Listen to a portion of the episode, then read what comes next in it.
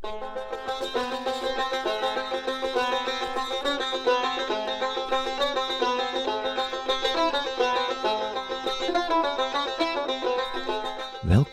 bij Illuminati.be. Mijn naam is Frank. Ik schrijf en vertel verhalen over complottheorieën, schijnwetenschap en desinformatie.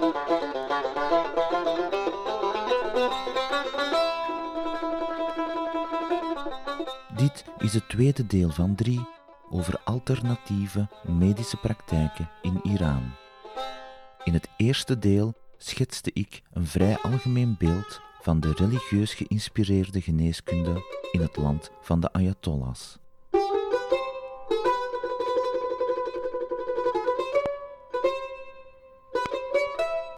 In dit deel zoom ik verder in op de termen islamitische geneeskunde en traditionele geneeskunde. Ik geef verder enkele concrete voorbeelden van alternatieve middelen en hun zogezegde toepassingen. In het laatste deel hebben wij het over moderne, eerder seculiere en esoterische pseudogeneeskunde. Voor deze reeks heb ik heel wat hulp gekregen van Neda Nasrabadi bij het zoeken en vertalen van Persistalige artikelen. Haar wil ik ook bedanken voor de hulp bij de uitspraak van Perzische namen en termen. Fatima Abbas hielp mij met de Arabische. Mijn uiteindelijke uitspraak is zeker geen reflectie van de moeite die zij zich hebben getroost.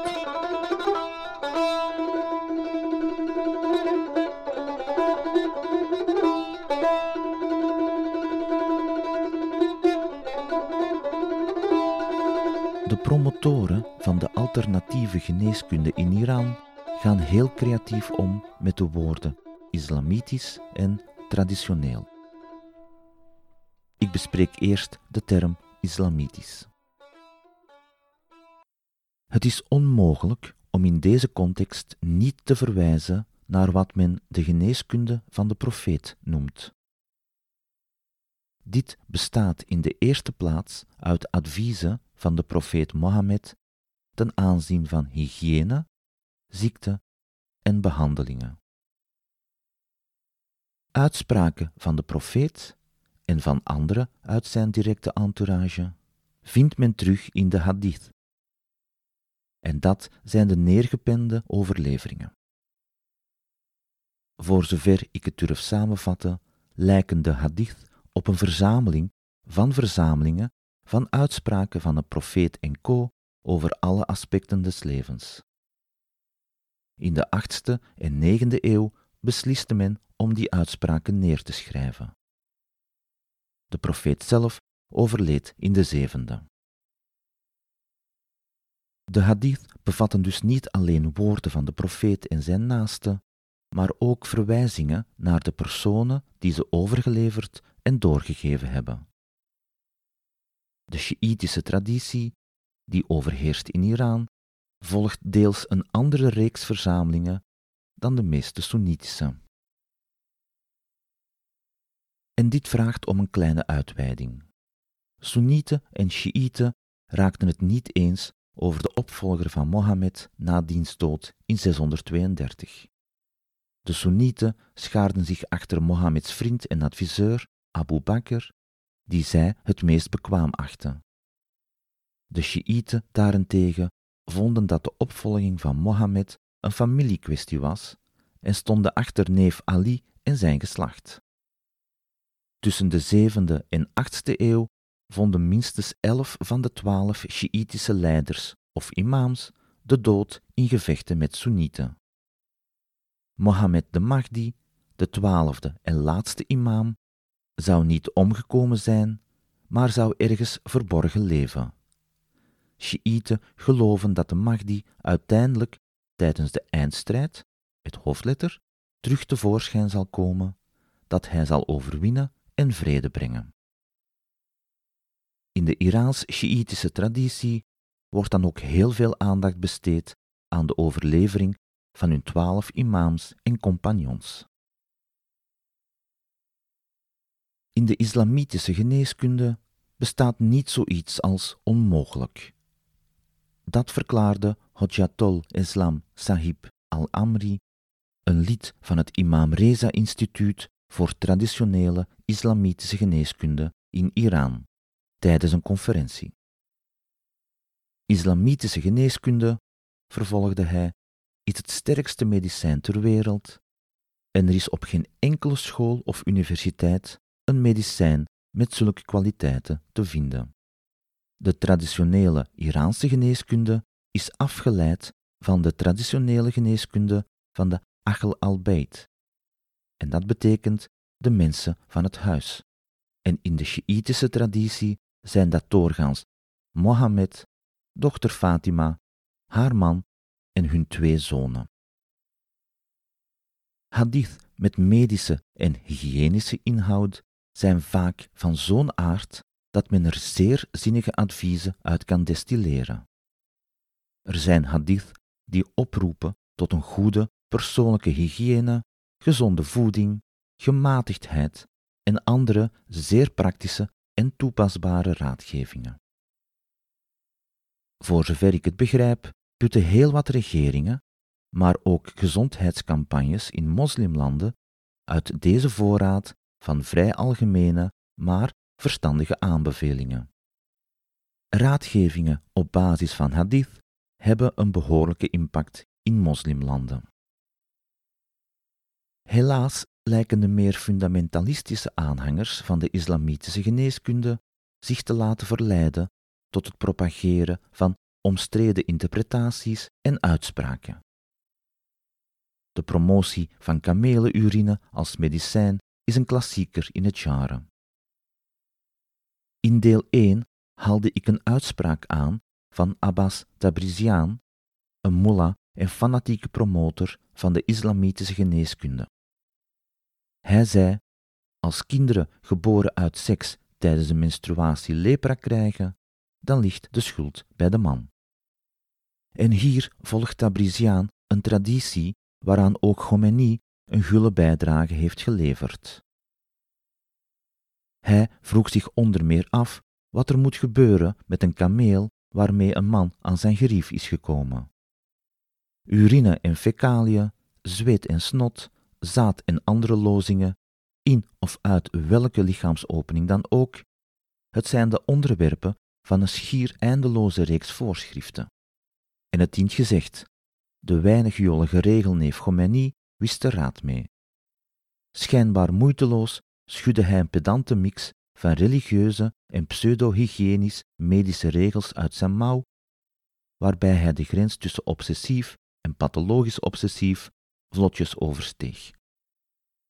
Het is dan ook niet meer voor iedereen duidelijk waar de hadith stoppen en de nieuwe voorschriften beginnen. Veel problematischer dan de soms smeuige uitspraken is het feit dat er heel wat overgeleverde interpretaties zijn. Heel lang moet men niet zoeken om in die verzamelingen tegenstrijdige ideeën te vinden. De profeet Mohammed zou bijvoorbeeld gezegd hebben dat genezing door drie handelingen kan bekomen worden. Het gaat over honing, en dat is sowieso een populair ingrediënt van heel wat middeltjes. Ook nog cupping, waarbij men kopjes op de huid plaatst en vacuüm trekt. En als derde cauterisatie, en daarbij verbrandt men weefsel om het te verwijderen of af te sluiten. U kent het van de Hollywoodfilms, waarbij de held een mes in het vuur houdt en dan met vertrokken gezicht tegen de wonden aandrukt. Het wordt nog steeds toegepast, maar dan op een iets subtielere manier. Maar volgens een andere overlevering hield Mohammed niet echt van cauterisatie.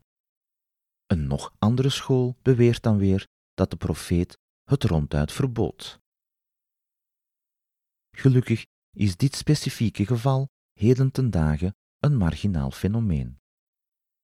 Maar zulke uiteenlopende interpretaties zijn niet zeldzaam en dragen niet alleen bij tot onduidelijkheid en willekeur, maar ook tot het vormen van verschillende, elkaar beconcurrerende theologisch-medische stromingen. islamitische geneeskunde is niet zozeer een vlag, dan wel een lappendeken dat een heel gamma aan mogelijke ladingen dekt.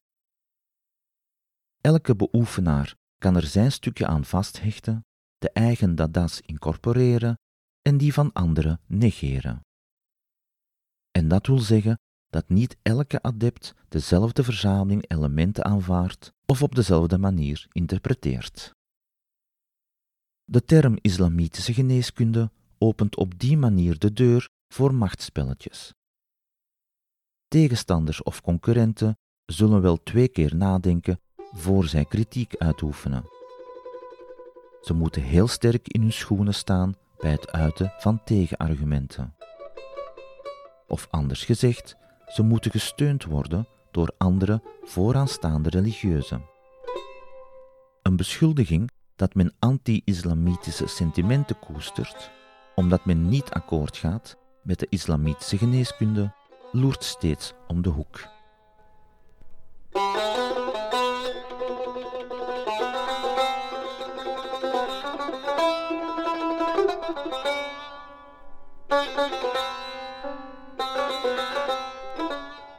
De Iraanse verkopers van alternatieve medicijnen gebruiken niet alleen de term islamitisch op een zeer rekbare manier. Ook met het idee dat hun geneeskunde traditioneel en dus oud is, gaan ze zeer losjes om. Hun beroep op enkele van de grootste denkers over geneeskunde uit de wereldgeschiedenis is op zijn zachtst gezegd misleidend. Het gaat in ons geval vooral over Perzische geleerden tijdens de zogenaamde Arabische Gouden Periode. Die werd vroeger al eens afgedaan als de periode waarin de Arabieren en Perzen de klassiek Griekse kennis vertaalden, bewaarden en dan integraal, onveranderd en propertjes doorgaven aan het Westen. Dat is een grove onderschatting van het originele wetenschappelijke werk uit die periode en uit de Perso-Arabische wereld. Heel wat Perzisch sprekende geleerden leverden belangrijke bijdrage aan de zogenaamde gouden periode van de Arabische wetenschappen. Die duurde trouwens van pakweg de 8e tot het midden van de 13e eeuw. Het toenmalige Perzië behoorde grotendeels tot het Arabische kalifaat. Vandaar dat de geleerden naast een Perzische ook een Arabische naam hebben. Die laatste is veelal beter gekend. Vaak werden de namen ook gelatiniseerd. Mohammad Zakariaye Razi was naast een veelzijdige geleerde ook een medisch expert. Trouwens, het is al-Razi voor de Arabische vrienden en Razis in de gelatiniseerde vorm. Hij was een uitstekend observator en beschreef zo'n 900 ziektes in detail. Hij hield zich bezig met wat we nu pediatrie, oogheelkunde en immunologie noemen. Hij wordt ook al wel eens de vader van de psychologie genoemd. Razi was een van de eerste die alcohol, en meer bepaald ethanol, bij behandelingen gebruikte. Zijn belang kan niet overschat worden. Hij stierf trouwens in 925. Ibn Sina, of Ibn Sina, geboren rond 980, staat eveneens zeer hoog aangeschreven. Hij bracht de toenmalige medische topkennis van de Grieks-Romeinse, Perzische, Chinese en Indische tradities samen in zijn boek De Kanon van de Geneeskunde. Hem besprak ik kort in het eerste deel. De derde Homo universalis die ik kort wil vermelden is Abu Raihan Biruni. Hij werd geboren in 973 in Gorasmia. En dat is een streek dicht bij het meer van Aral in Centraal-Azië. Hij was actief in de natuurkunde, wiskunde, astronomie en de natuurwetenschappen. Daarnaast was hij een begenadigd geschiedkundige, taalkundige en zette hij de eerste stappen in de antropologie. Van belang voor deze podcastaflevering. Biruni schreef een farmacopee, een handboek met voorschriften voor geneesmiddelen, met vertalingen van medicijnen in een achttal talen. Biruni hield zich ook bezig met de beschrijving en klassificatie van stenen en metalen, maar niet louter volgens kleur, zoals dat toen gebruikelijk was, maar vooral volgens hun primaire fysieke eigenschappen, zoals hij die noemde. We zullen hem in het derde deel opnieuw tegenkomen. Auteur Jim al-Khalili beschrijft Ibn Sina en Biruni in zijn boek De Bibliotheek van Bagdad zeer terecht als genieën en wetenschappelijke giganten. Het belang van hun intellectuele verdiensten en toptheorieën kunnen niet overschat worden. Maar we mogen ze niet vergelijken met de medische toptheorieën van nu.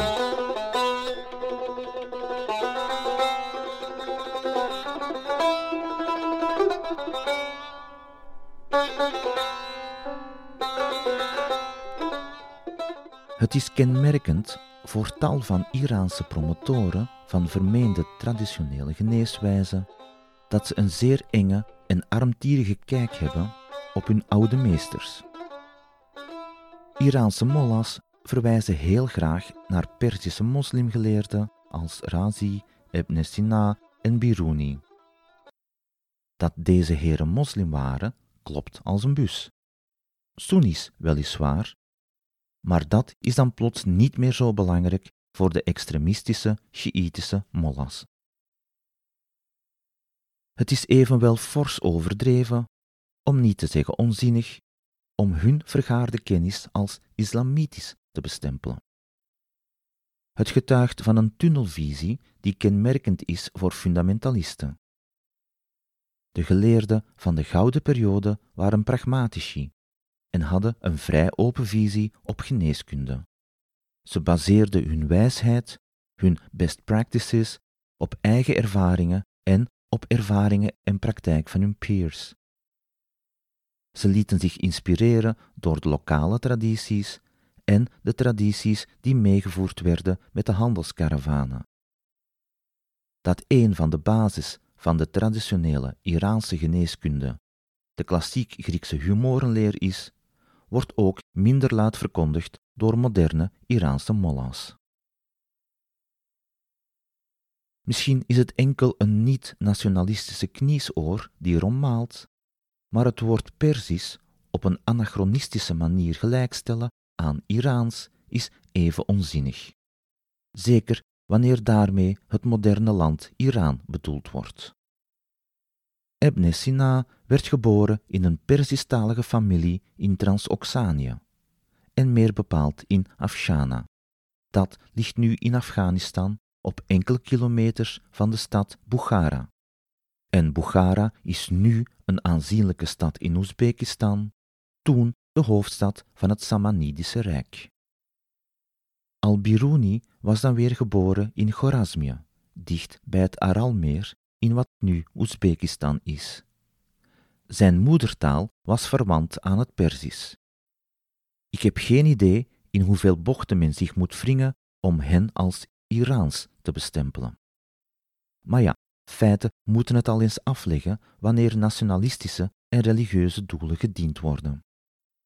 In het geval van Mohammedeh Zakariaye Razi zal dat dan weer geen probleem zijn.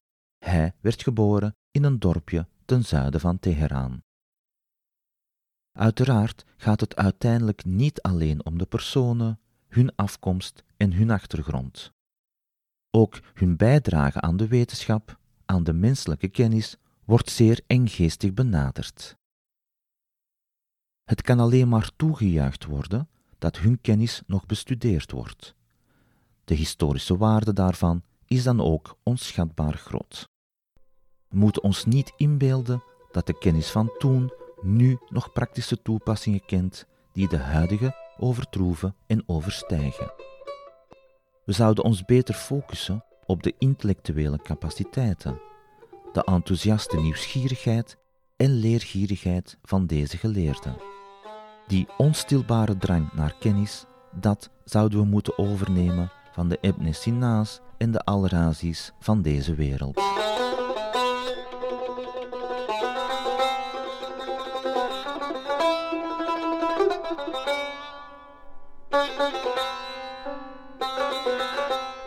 Het is niet altijd even duidelijk waar de talloze moderne middeltjes en alternatieve behandelingen vandaan komen. Waarschijnlijk komen zij deels uit oudere geschriften, deels tot de steeds veranderende traditionele volksgeneeskunde met zijn talloze hercombinaties van gekende ingrediënten. Volgens Mohammad Javad Akbarin een Frans-Iraanse expert op het gebied van de verschillende Sjiïtische scholen, worden bepaalde zogenaamd originele recepten toegeschreven aan de profeet of aan de Sjiïtische imams. Maar de authenticiteit daarvan is zeer omstreden. Religieuze extremisten als Abbas Tabrizian malen niet om authenticiteit en presenteren de middelen als islamitische geneeskunde. Een van de middelen tegen COVID-19 waarmee deze mullah wereldwijd beroemd werd, is olie geëxtraheerd uit viooltjes. Hij raadde zijn volgers aan om een katoenen doek te drinken in die olie en die tijdens de slaap in de anus te steken. De reacties waren navenant. Toen het nieuws bekend werd, brak er een storm van verontwaardiging uit. Spot en hoongelach bleven eveneens niet uit, zowel in het thuisland als onder de Iraanse diaspora. Ook minder getalenteerde cartoonisten beleefden toen hoogdagen. Zelfs de Arabisch-talige krant Al-Monitor liet de kans niet onbenut om de Perzische geestelijke te ridiculiseren. Andere aanbevelingen van Molla Tabrizian: eet veel appelen, uien en rapen. Rode tabarzaad, suiker en veel imam Kazems medicijn. Over dat laatste straks meer. Hij raadt aan om kruiden te verbranden in de eerste maand van het jaar. Nu, kruidenmengelingen worden in Iran vaak verbrand. Soms nog om het kwade op afstand te houden, maar zeker ook omdat het gewoon aangenaam kan ruiken. Het zogenaamde Imam Kazem medicijn bleek een instant klassieker en is om meerdere redenen interessant. Het is een mengeling van zwarte mirobalan of terminalia gebula, Arabische gom en bruine suiker. En het werd van in het begin van de coronacrisis voorgesteld als geneesmiddel. Terminalia gebula is een bekend ingrediënt in tal van traditionele middelen, vooral in India, Nepal en Sri Lanka. Het wordt daar onder meer gebruikt om constipatie te verlichten. Een ander populair medicijn was al dan niet terecht gebaseerd op een bereiding van Ibn Sina en bevatte zoete violetten, hertsmunt, tijm en echt venushaar. Volgens een moderne verkoper van het product werd het een halve eeuw geleden verkocht aan astmapatiënten. Enkele jaren geleden werd het aangeboden aan mensen met COVID-19. Ondanks het feit dat imam Kazems medicijn gerekend wordt tot de traditionele Iraanse islamitische geneeskunde, veroordeelde het Iraanse ministerie van Volksgezondheid de naam van de onconventionele behandeling. We zouden best vermijden om handgemaakte geneesmiddelen te noemen naar heilige personen, zelfs als ze ook maar min of meer effectief zouden zijn. Mochten er zich complicaties voordoen door het gebruik van het medicijn, dan kan dat leiden tot het beledigen van onze imams, al dus een zeer voorzichtige woordvoerder. De alt met guru Tabrizian en zijn volgelingen slash verkopers legden deze aanmaning naast zich neer. Het belette een opportunistische Instagrammer evenmin om in zijn verkooppraatje te stellen dat het en een middel is ter voorkoming van COVID-19 en dat imam Kazem het reeds voorschreef. Imam Moussaye Kazem, Sjiïtische imam nummer 7 van 12, haalde het jaar 800 net niet. De Arabische media waren er in april 2020 als de kippen bij om hun onrust en traditioneel ongenoegen vis-à-vis de Iraanse hardliners te ventileren. Charlatans en complotdenkers ondermijnen de inspanningen van Iraanse wetenschappers, kopte de Arab Weekly, die geen spaander heel liet van de reputatie van Tabrizian en de zijne. De Arabische online krant citeerde het Iraanse hoofd van de Vereniging van Herbalisten. En zijn oordeel was scherp.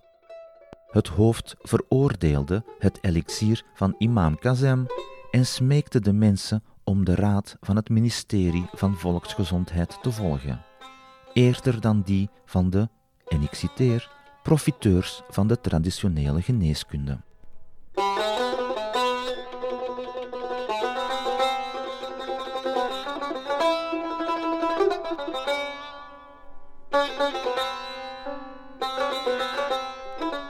De website van France 24 meldde eind maart 2020 dat de religieuze inkom weigerde zich aan de quarantainemaatregelen te houden. Ondanks het feit dat de stad een van de eerste corona-hotspots in Iran was. Sommigen vonden het wel nodig om auto's te besproeien met een vermeend ontsmettingsmiddel. Of beter, om één kant van de auto te behandelen terwijl die voorbij reed. Mohammad Javad Akbarin ziet een verband tussen het verzet tegen de quarantaine en de promotie van traditionele middelen in Qom, een van de theologische centra in Iran. Voor de Islamitische revolutie van 1978-79 waren traditionele middelen een marginaal fenomeen. Het nieuwe politieke regime, aldus Akbarin, begon echter al snel geld te pompen in de promotie ervan. Fundamentalisten beschouwden de vele heilige bedevaartsoorden met hun schrijnen en mausoleums niet alleen als plaatsen waar mensen samenkomen om te bidden, maar ook om zich te laten genezen en helen. En dat promoten de aanhangers van de islamitische geneeskunde voortdurend.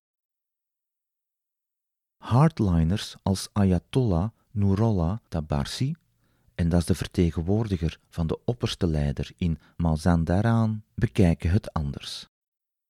De twaalf historische imams waren de beste op geneeskundig gebied en hun nalatenschap moet gekoesterd en geëerd worden. Tabarsi gaat verder. Citaat: Een van de maatregelen die in islamitisch Iran wordt genomen, is om de erfenis van ons verleden nieuw leven in te blazen. En in de traditionele geneeskunde heeft Iran veel middelen. Er zouden plannen voor de heropleving van de traditionele geneeskunde moeten zijn. Einde citaat. Nu, die zijn er dus.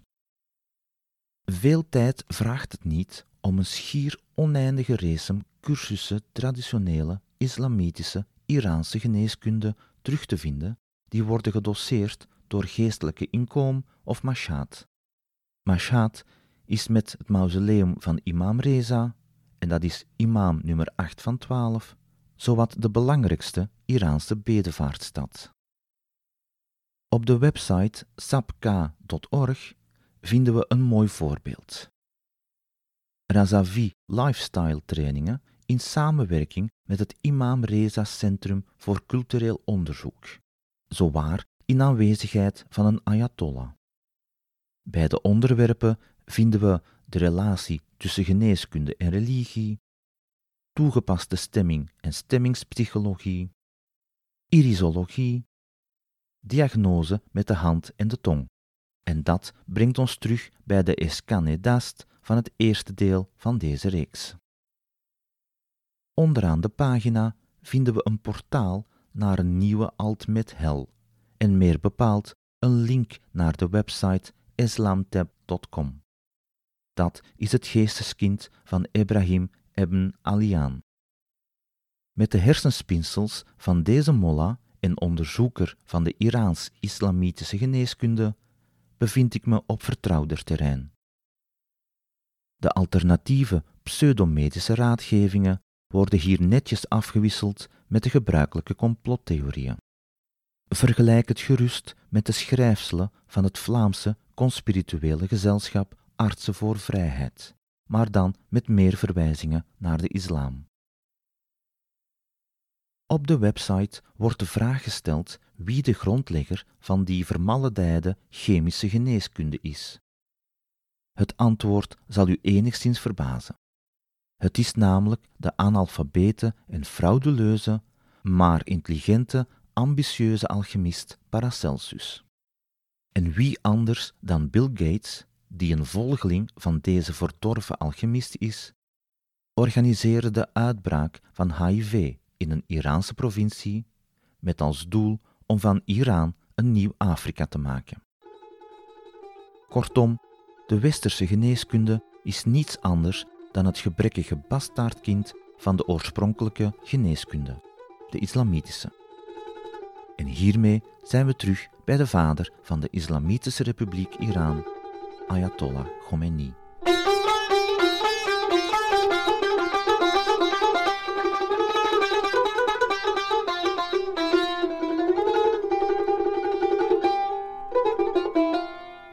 Bedankt voor het luisteren. Mijn naam is Frank. Schijnwetenschap en complottheorieën, dat zijn mijn onderwerpen. En die benader ik kritisch. Althans, zo beeld ik mij toch in. Neda Nazrabadi hielp mij bij het schrijven van deze reeks. Hartelijk bedankt, Neda Ghanom. Voor zover ik weet, is er geen enkele organisatie, VZW, broederschap, grootloge, religieuze orde, geheime dienst, nest reptielmensen of wat dan ook, die wil dat ik in hun naam schrijf of praat. Ik ben er zeker van dat mijn uitleg voor verbetering vatbaar is. En ik sta dan ook open voor correcties en aanvullingen. U weet mij te vinden.